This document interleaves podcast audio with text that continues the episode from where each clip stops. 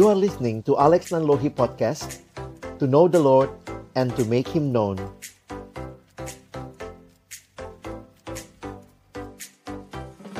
Mari kita berdoa sebelum membaca merenungkan firman Tuhan. Kami datang dalam ucapan syukur malam hari ini ya Tuhan Karena sungguh Engkau baik Dan Engkau menyatakan kebaikan-Mu di dalam hidup kami kami sungguh bersyukur kami punya Allah seperti Engkau, satu-satunya Allah Raja yang layak menerima segala puji, hormat, dan sembah kami.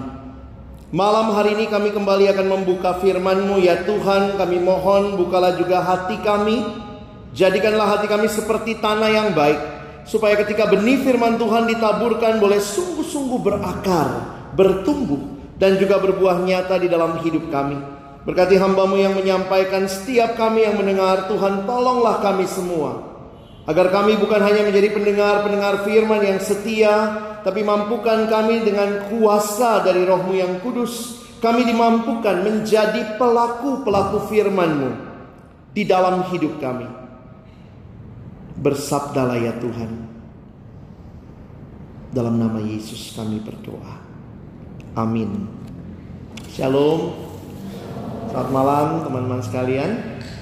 Saya bersyukur untuk kesempatan ini berjumpa dengan teman-teman kembali dan juga boleh membagikan perenungan. Kita akan banyak pakai waktu untuk bersyukur, untuk berdoa, sehingga saya hanya akan mengantar dalam perenungan singkat di awal. Tema kita malam hari ini gratitude to the king. Dalam persiapan ini ada beberapa hal yang saya juga pikirkan, renungkan dan akan saya bagikan kepada teman-teman dan saya akan mulai dengan mengajak kita berpikir sebentar. Coba pikirkan kalau teman-teman dikasih waktu hari ini gratitude bersyukur. Oke, bisa tolong next kalau begitu. Today I'm thankful for what? Coba ingat-ingat ya hari ini nggak usah dulu berapa lama ke belakang. Hari ini saja. Teman-teman bersyukur untuk apa? Secara pribadi.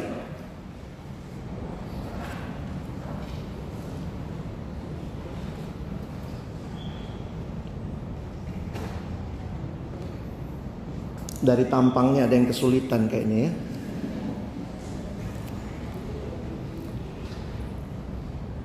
kita sudah melewati hampir 11 bulan di tahun 2019 ini. Dan malam hari ini saya ingin mengajak kita melihat ucapan syukur bersama-sama dalam perenungan ini. Aspek ucapan syukur itu banyak. Tapi ada satu bagian yang Tuhan berikan kepada saya untuk kita pikirkan dan renungkan malam ini. Nah karena itu saya harap kalian menemukan paling tidak satu hal yang bisa teman-teman syukuri. Kalau 11 bulan harusnya sih sudah hampir berapa ratus hari yang dilalui. Apa bedanya thankful sama gratitude? Kadang-kadang dalam bahasa Inggris ada yang berusaha membedakannya. Next. Ini kalimat dari Timothy Keller.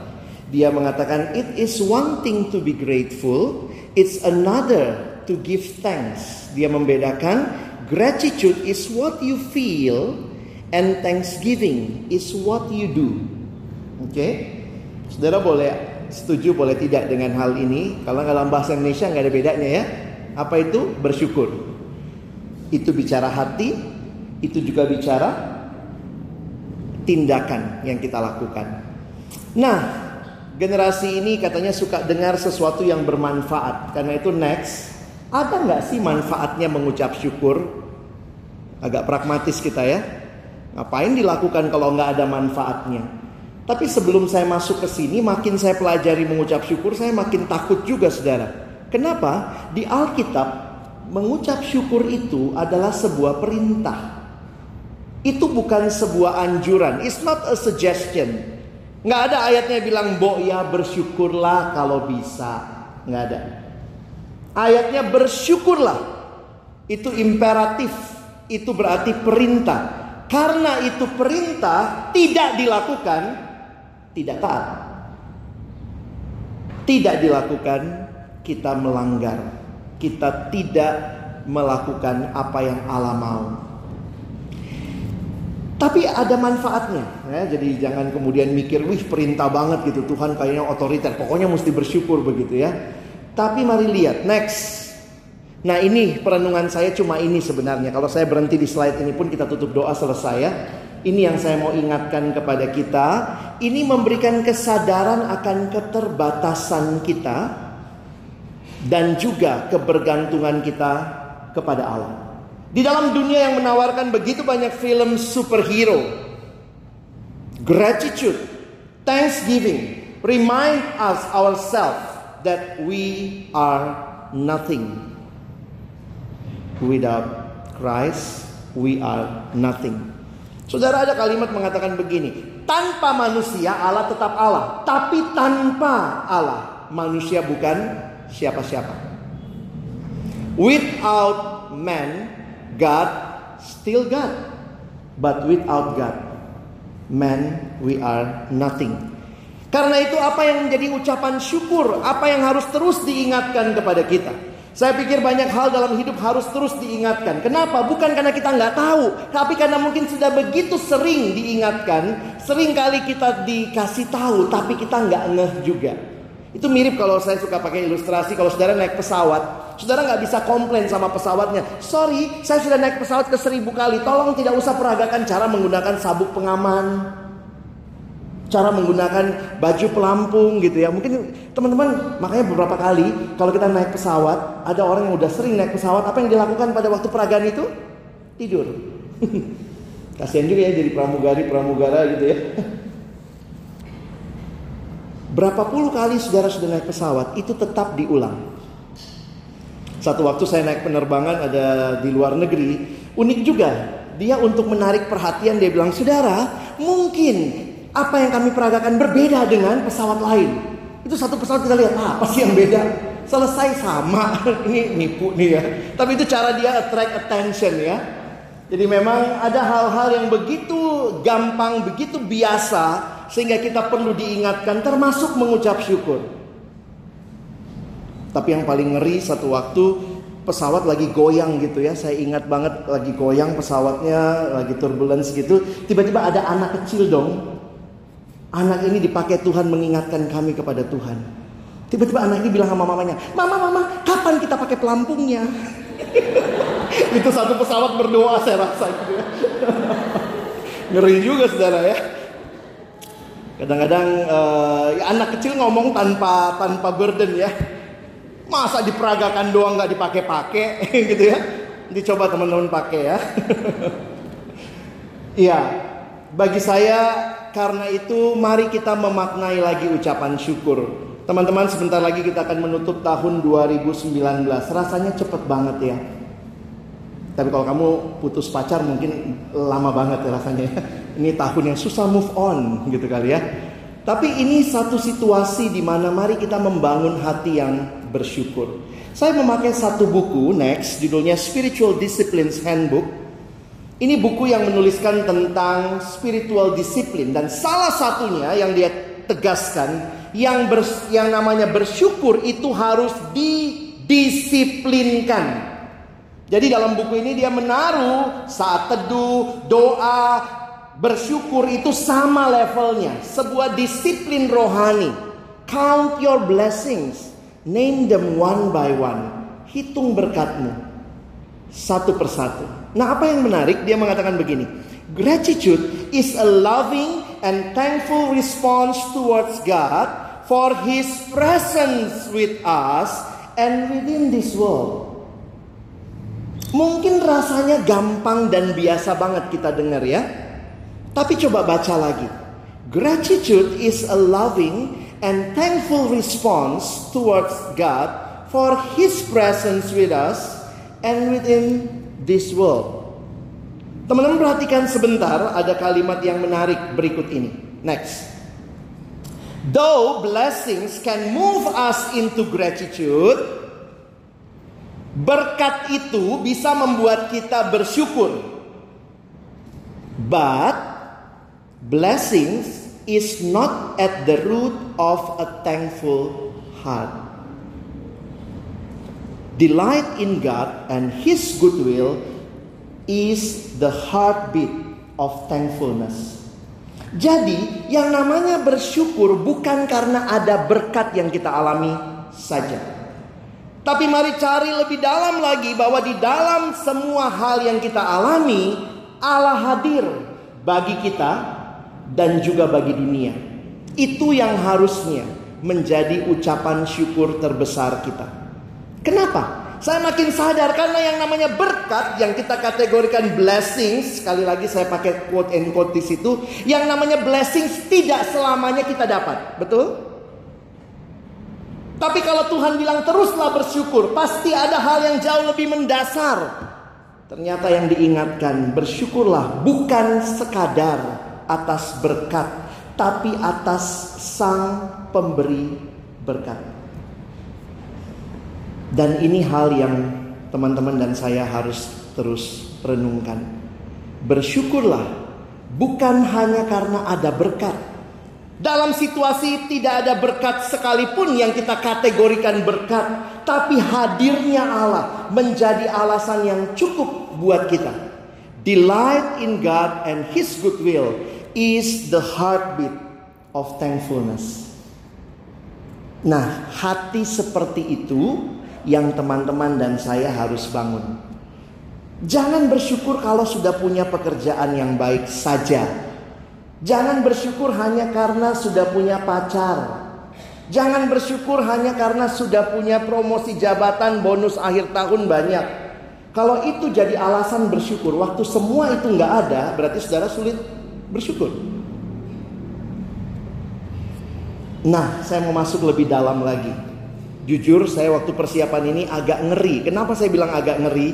Karena saya ketemu satu buku yang menuliskan pertanyaan seorang bernama Mark Buchanan. Next. Mark Buchanan itu fotonya yang kanan. Dia mengatakan begini. Dia mempertanyakan. Apa yang membuat Allah murka? Hal apa dalam hidup yang membuat Allah murka? Apa yang menjadi akar dari dosa? Sehingga Tuhan murka sama manusia. Lalu kemudian dia menuntun kita membaca next. Roma pasal 1 ayat 18 sampai 21. Kalau kalian mau lihat Alkitabmu silahkan, tapi kebanyakan pasti nggak bawa Alkitab ya, bawanya handphone suci pasti ya. Saya juga udah tulis ayatnya di atas. Kita baca sama-sama. Next. Yuk kita baca ya, satu dua ya. Sebab murka Allah nyata dari sorga atas segala kefasikan dan kelaliman manusia yang menindas kebenaran dengan kelaliman. Karena apa yang dapat mereka ketahui tentang Allah nyata bagi mereka sebab Allah telah menyatakannya kepada mereka. 20.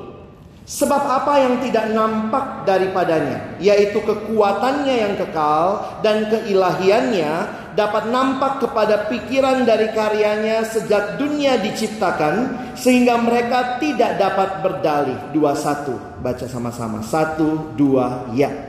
Sebab sekalipun mereka mengenal Dia, mereka tidak memuliakan Dia sebagai Allah atau mengucap syukur kepadanya. Sebaliknya, pikiran mereka menjadi sia-sia dan hati mereka yang bodoh menjadi gelap. Jadi teman-teman bisa nangkep apa jawaban dari pertanyaannya Mark, Buchanan tadi. Apa yang membawa Allah murka? Apa yang membuat Allah murka? Apa yang ada di dasar yang paling paling bawah yang membuat kenapa Allah murka? Dan dia menjawab ayat ini memberikan jawaban. Salah satunya adalah hati yang tidak bersyukur. Serem ya? Bersyukur perintah kalau nggak dilakukan Allah murka. Ngeri banget. Apa yang lagi dibicarakan di sini? Saya mau kita lihat logikanya sebentar. Next. Allah ciptakan manusia, seorang bernama David Mattis, dia mengatakan God created humanity for gratitude. You exist to appreciate God. Ingat, Allah bukan Allah yang gila hormat. Tetapi Allah yang menciptakan kita, Allah yang memberikan dasar bahwa akulah pemilik segala-galanya, kamu cuma menerima berkat. Jadi jangan lupa bersyukur. Karena itu David Mattis mengatakan konsekuensi dari manusia dicipta, maka manusia dicipta untuk bersyukur kepada pencipta. You exist to create God to appreciate God. You exist to appreciate God. Next. Ini seorang bernama Anne Foskam. Dia menulis buku renungan, salah satu bukunya ini sangat bagus, sangat terkenal 1000 Gifts. Ini buku tentang bersyukur.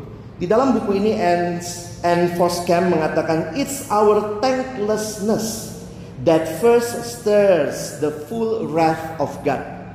Lihat dalam daftar yang Paulus berikan di ayat 18 sampai 21. Paulus memasukkan bahwa apa yang menjadi murka Allah yang pertama adalah karena manusia yang tahu Allah, yang kenal Allah tidak mau bersyukur kepada dia. Next. Our fall is always first a failure to give thanks. Sorry teman-teman, ini bagian-bagian yang sangat menegur saya minggu-minggu ini. Waktu saya daftar apa yang saya syukuri, juga ada hal-hal yang saya marah sama Tuhan. Kenapa ini terjadi? Kenapa ini terjadi? Tapi kemudian saya jadi menyadari ya, our fall is always first a failure to give thanks. Kegagalan, kejatuhan kita dimulai ketika saudara dan saya sulit bersyukur. The pride of thanklessness always come before the fall. Kesombongan manusia yang merasakan sayalah segala-galanya.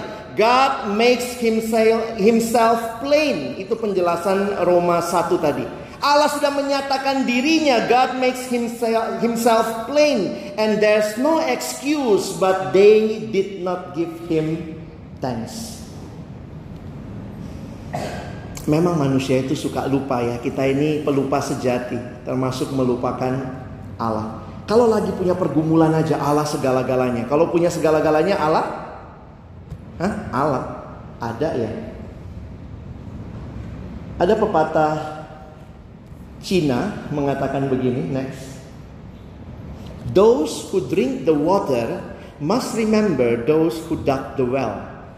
Saudara yang minum air, saudara harusnya ingat siapa yang menggali sumurnya. Pepatah ini mengingatkan kita, we are not the source of everything. You and I, we are not the source of everything. God is the source. Karena itu jelas apa yang firman Tuhan katakan ketika manusia tidak bersyukur kepada Allah. Sebenarnya manusia mau mengatakan saya sumbernya. Ini semua saya dapat. Kenapa saya promosi? Saya kerja keras. Kenapa saya bisa dapat gaji yang naik? Oh, karena saya memang jelas excellent di pekerjaan. Kenapa saya bisa bisa cicil rumah sudah ada bentuk rumahnya? Karena saya punya uang yang saya tabung. Saya hidup hemat. Many things in our life we think we are the source. Aku adalah segalanya. Saya kutip lagi Anne Foskam next. Our fall was and has always always been that we aren't satisfied in God and what He gives. We hunger for something more. Jadi memang ini pergumulan kita ya. Teman-teman alumni yang sudah mulai bisa punya banyak hal. Tapi kita kemudian mau lebih lagi, pasti maunya lebih lagi. Tidak salah menginginkan sesuatu yang baik tentunya.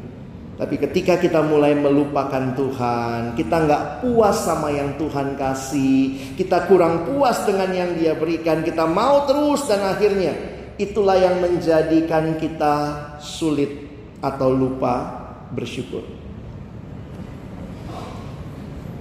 Hati-hati dengan kesombongan, merasa diri segala-galanya.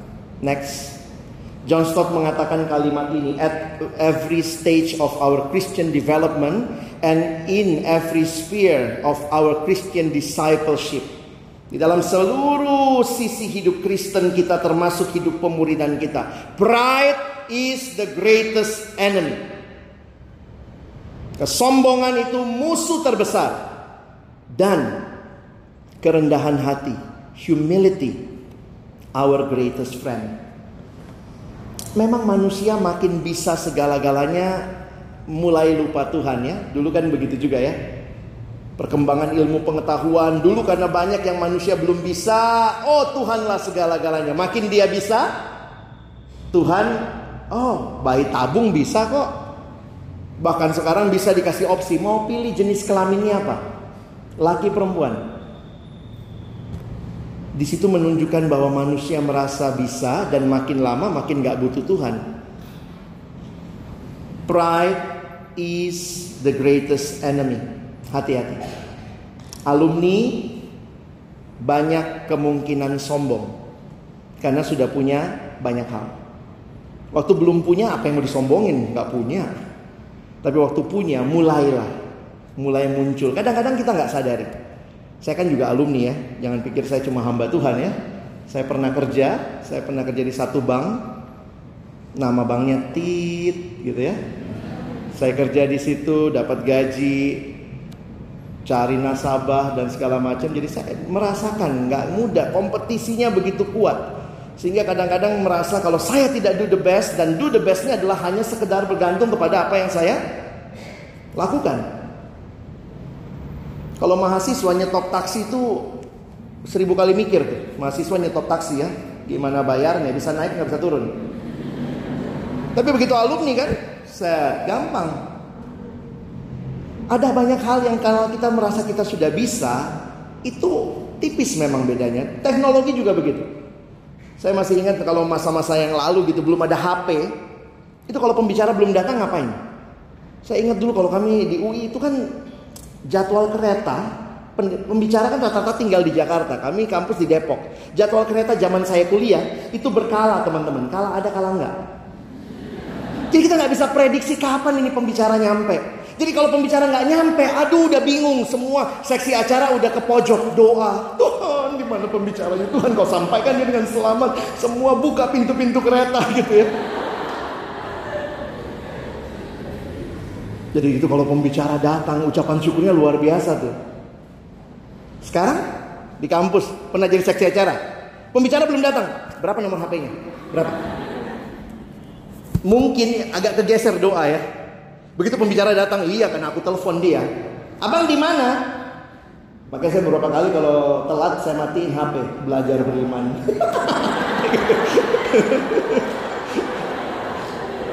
Banyak hal karena sangat mudah. We get it so easy. Sangat mudah.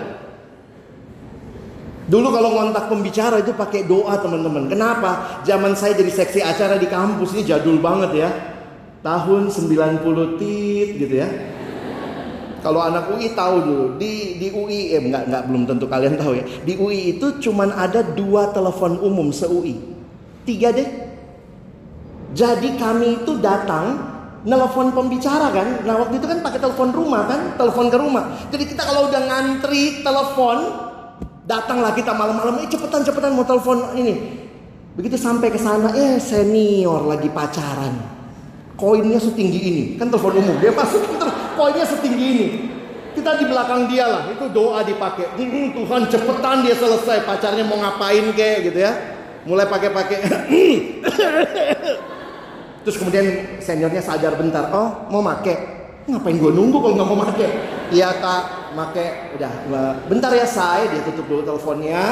Terus, eh, yuk duluan pakai dulu. Terus kita telepon. Saya ingat banget tuh, dulu telepon Bang Sagala kan saya Pak Mangapu Sagala. Uh, Salam, selamat malam. 754 berapa tuh Van nomor rumah lu ya? Saya masih ingat 754 something. Jadi telepon, ada Pak Sagala. Oh belum pulang pelayanan. Teng teng teng gitu ya. Makasih, tag. Antri lagi, dia pacaran lagi, koin segini gitu ya. Jadi zaman dulu kalau kontak pembicara pun doa, pergumulan doa. Sekarang beberapa anak kontak kami itu itu kayak udah template ya. Template ya, tap. Sampai kadang-kadang saya begitu. Uh, Dear Bang Alex, berharap abang bisa gitu ya. Uh, terima kasih Kak Vivi bawahnya. lupa lupa diganti. Aduh, itulah ya. Makin kalian alumni, kalian makin ngerti kemudahan hidup, betul? Dan makin kalian alumni, saya juga harus katakan, jangan-jangan kalian pun makin merasa semuanya I deserve it. It's all from God. Kadang-kadang kita sulit memahami gimana itu ya. Dari mana relasinya ya, tapi itu caranya Tuhan. Lagu sekarang ya, cara Tuhan mengasihiku. Bagus juga tuh lagu diangkat lagi sampai mulai sering dinyanyikan. Itu cara Tuhan mengasihiku. Dulu seorang abang ngajarin kami filosofi ikan teri. Pernah bayangkan teri sampai ke mejamu bagaimana pemeliharaan Tuhan? Berarti kan Tuhan pelihara terinya di laut. Teri dipelihara berarti Tuhan pelihara papa mama teri. Lalu kemudian ditangkap sama nelayan. Berarti Tuhan pelihara nelayan dan papa mama nelayan. Lalu kemudian ada ditangkapnya pakai jala, pakai jaring.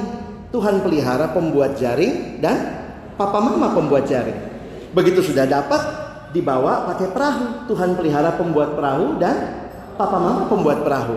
Tuhan pelihara dibawa ke kota, naik mobil angkutan, Tuhan pelihara mobilnya, termasuk siapa yang bikin mobilnya dan papa mamanya. Mau kita pretelin? Tuhan pelihara ban kiri belakang ada lima baut. Tuhan pelihara pembuat baut satu dan papa mamanya. Pembuat baut dua dan papa mamanya. Sampailah teri di mejamu.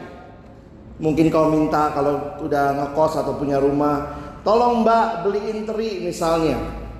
Pembantu beli, dapatlah Apakah itu karena uangmu? Itu cara Tuhan mengasihi saudara. Kadang-kadang kita sulit bersyukur karena kita pikir, ya cuma teri. Itu baru teri. Mau cuma makan teri? Pakai nasi. Oke, kita mulai ya. Nasi, beras. Tuhan pelihara petani dan papa mamanya. Terus mau begitu? Nggak pulang kita besok. Kamu ada di kantormu sekarang kamu bisa dapat kenyamanan. Listrik di kantormu berfungsi dengan baik. Kamu bisa naik kendaraan, ada BBM. Ada komisaris baru, Pak Ahok. Pertamina. Apa sih ya? Kita kadang-kadang sangat-sangat sulit melihat Allah karena begitu banyaknya hal yang aku pikir I deserve it. Next. John Stott mengatakan kalimat ini, keluarin lagi. Pride is more than the first of the seven deadly sins. It is itself the essence of all sins. John Stott mengatakan kalau kita bicara tujuh dosa maut ini yang paling dasar dari semua tujuh itu kesombongan manusia. Terus terulang sejak kejatuhan di Taman Eden. Manusia selalu mau jadi Allah. Masalahnya apa? Saya sombong. Tuhan kurang bagus kau jadi Tuhan. Gantian saya yang jadi Tuhan. Lebih bagus kalau saya jadi Tuhan. Sehingga orang yang seperti ini akan sulit sekali berkata thank you Lord. Next, ini Mahani. Next, dia mengatakan kita baca sama-sama kalimatnya ya.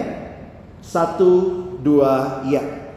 Pride is when sinful human beings aspire to the status and position of God and refuse to acknowledge their dependence upon Him.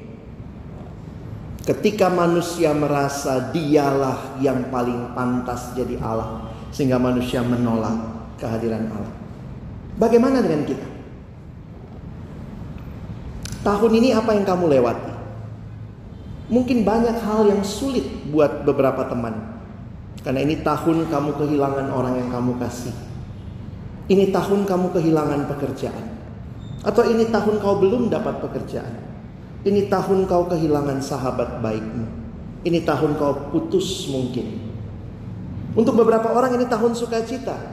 Wow, tahun ini saya dapat promosi. Tahun ini saya bisa menikah. Tahun ini saya dapat pacar. Tahun ini saya sudah mulai bisa cicil rumah. Kalau begitu apa ya ucapan syukur? Bisakah kita bersyukur di tengah situasi yang berbeda? Bisa. Karena kita bersyukur bukan atas berkatnya saja, tapi kita bersyukur atas kehadiran Allah.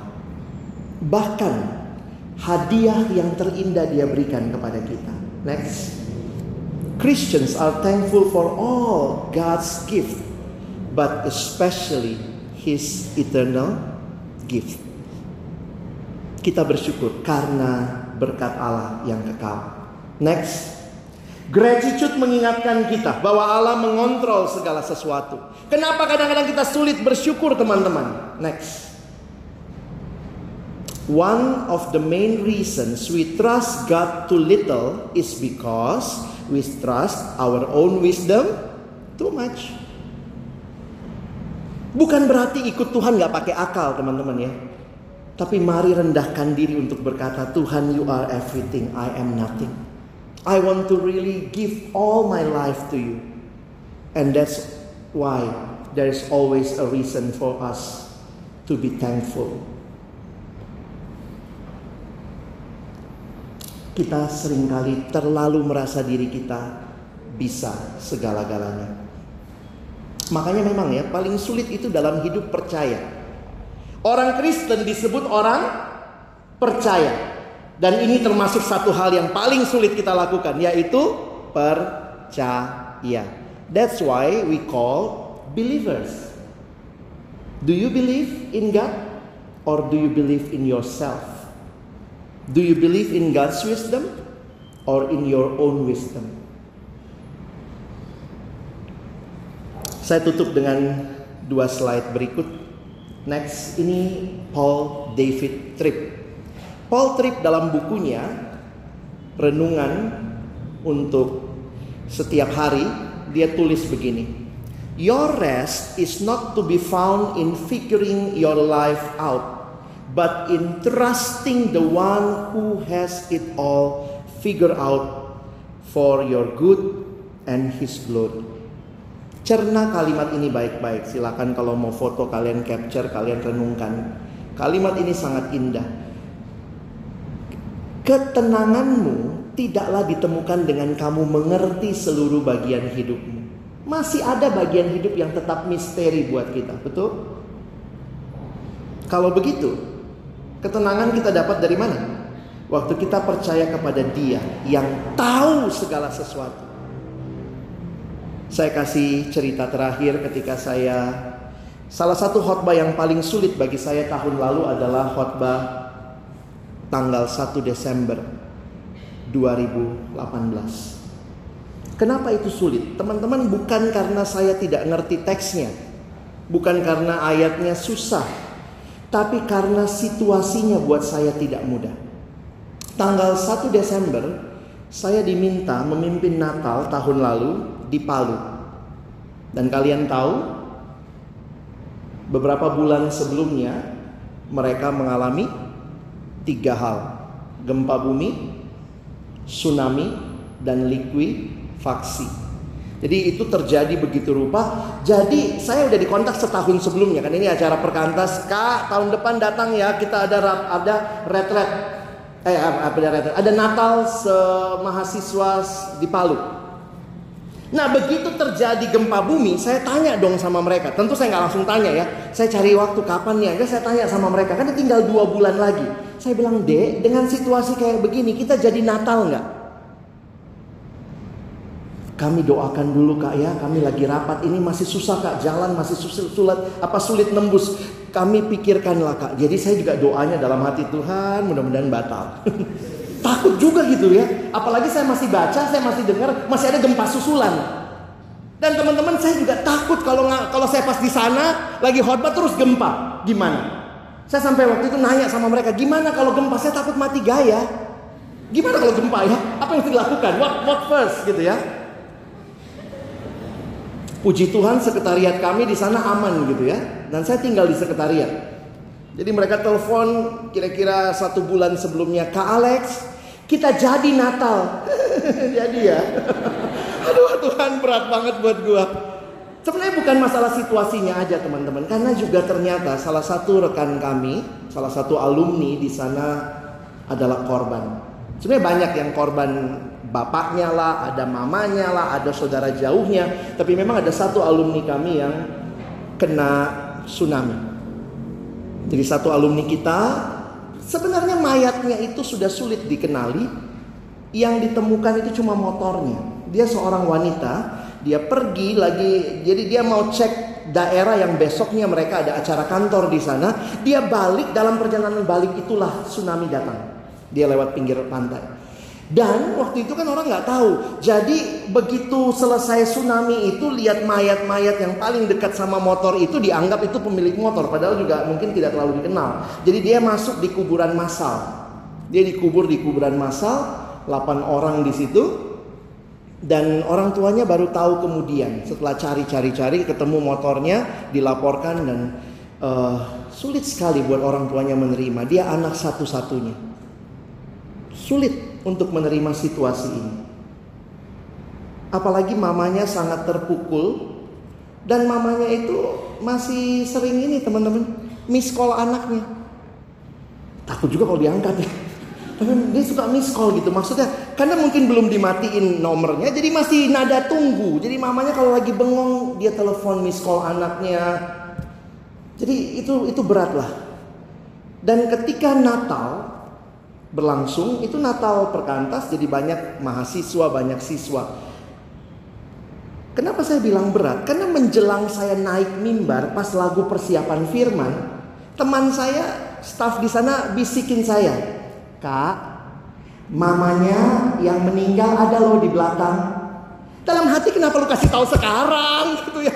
Saya udah gak tahu mau ngomong apa gitu ya. Kak, mamanya datang loh di belakang. Saya memang lihat di belakang kok ada yang bukan mahasiswa nih. Ada yang bukan alumni baru nih, ada tante-tante datang. Si tante datang sama om suaminya, papa mamanya datang. Saya berpikir gini, saya dari Jakarta, nggak ngalamin gempa, terus datang ke sana, pimpin Natal, terus bilang, oh sukacita, damai sejahtera. Di mana empatinya? Tapi hari itu saya diminta membawakan Mazmur 91. Tuhan adalah perlindunganku. God is my refuge. Sebenarnya saya baru angkat itu di Spotify saya minggu ini. Itu khotbah tahun lalu, salah satu khotbah yang sulit. Melihat situasi, masuk dalam situasi, bicara tentang Allah. Saya mau bilang apa yang mau disyukuri? Mau bilang apa? Mari bersyukur. Syukur ya, nggak mati saya, tapi yang lain mati kan? Kadang-kadang hati-hati loh, ucapan syukur kita itu egois banget. Ih puji Tuhan masa nggak naik mobil itu, itu yang celaka. Terus puji Tuhan saya bersyukur. Terus yang sana syukurin. Ih hampir saya naik pesawat itu bang, puji Tuhan tidak jadi naik. Saya akhirnya di delay, akhirnya pesawat berikutnya pesawat depan jatuh. Kadang-kadang ucapan syukur kita very very egoistik. Karena apa? Kita selalu kaitkan sama apa yang kita alami saja. Tapi akhirnya hari itu Tuhan seolah-olah memberikan banyak hal.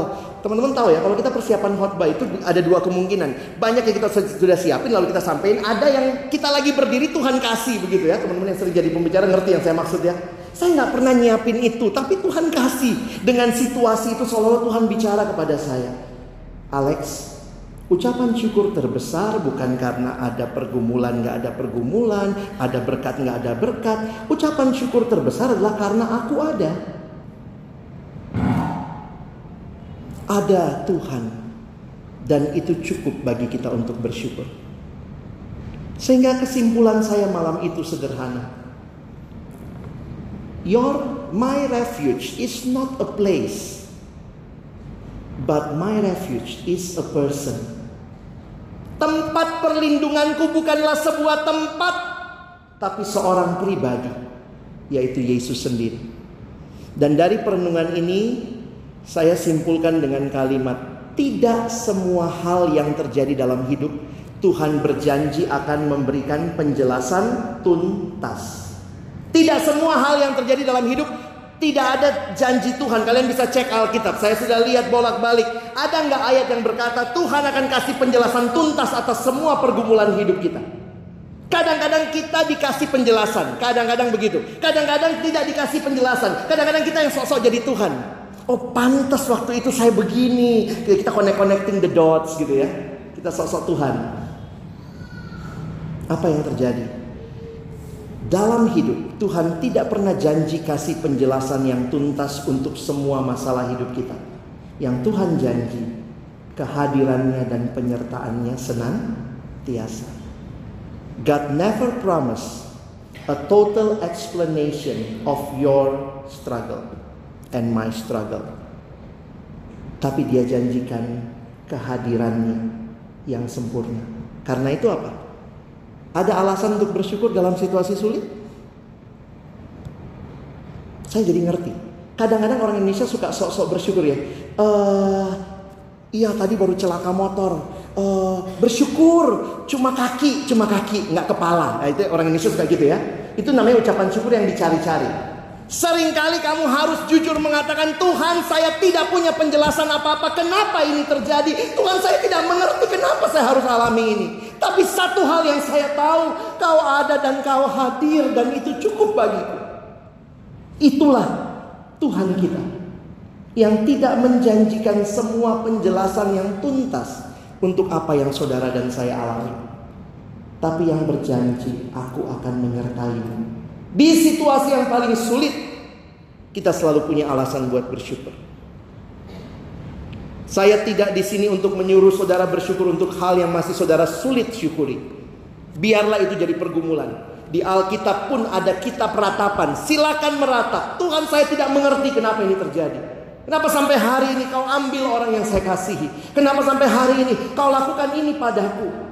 Kadang-kadang kita sulit bertanya kenapa, kenapa. Tapi apa yang indah? Di dalam Mazmur banyak sekali Mazmur keluhan. Tapi yang indah, pemazmur mengeluh kepada Allah. You got my point? Silakan mengeluh, tapi jangan mengeluh kepada yang bukan Allah. Pemasmur mengeluh kepada Allah karena itu dia menikmati. Dia bisa tulis Mazmur.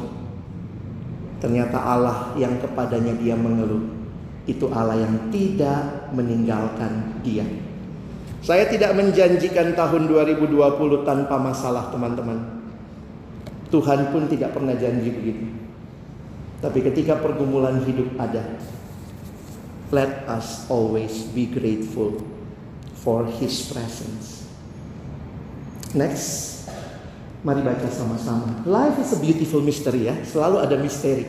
Kalau semua hidup jelas, itu namanya kamu yang Tuhan. Give a space for mystery. Jadi kadang-kadang kalau Tuhan saya masih nggak tahu kenapa begini, no problem. Tapi yang saya tahu, you always there. Kita baca kalimatnya satu dua ya. Selalu ada alasan bagi umat Allah untuk bersyukur. Karena di tengah segala perubahan yang terjadi, ada Allah yang tidak berubah dan yang selalu hadir bagi umatnya. Khotbah paling sulit itu saya imani bahwa saya tidak datang memberikan penjelasan kenapa ada gempa, kenapa ada tsunami, kenapa ada likuifaksi. Saya pun bahkan tidak bisa menjawab kenapa teman kami Nelce harus meninggal dengan cara itu. Saya tidak bisa kasih jawaban apa-apa. Tapi malam itu saya tegaskan Tuhan hadir dalam pergumulan saudara sekalian. Dan nikmati itu. Malam ini Tuhan hadir. Karena itu saudara selalu ada alasan untuk bersyukur. Bawa hidupmu kepada dia. Serahkan hidupmu kepada dia. Dia tahu yang terbaik buat kita. Mari kita berdoa.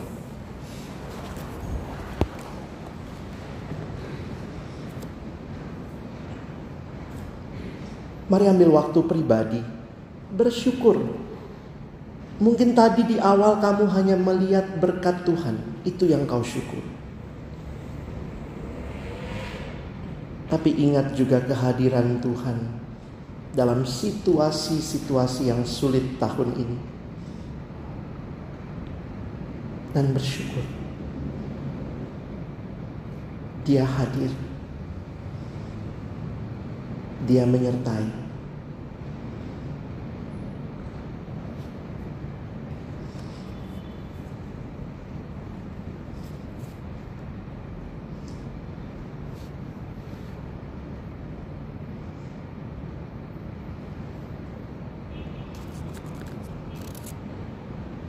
Tuhan terima kasih banyak buat firman-Mu, kehadiran-Mu yang tidak pernah meninggalkan kami umat milikmu. Kami sekali lagi bersyukur kami punya Allah yang hidup. Terima kasih Tuhan. Kami bersyukur untuk Engkau yang selalu hadir dalam hidup kami. Tolong kami melalui pergumulan ke depan. Jangan biarkan kami merasa kami tidak membutuhkan Tuhan. Kami mau terus bergantung kepada Tuhan dan berharap hanya kepada Dalam nama Yesus kami berdoa, kami bersyukur.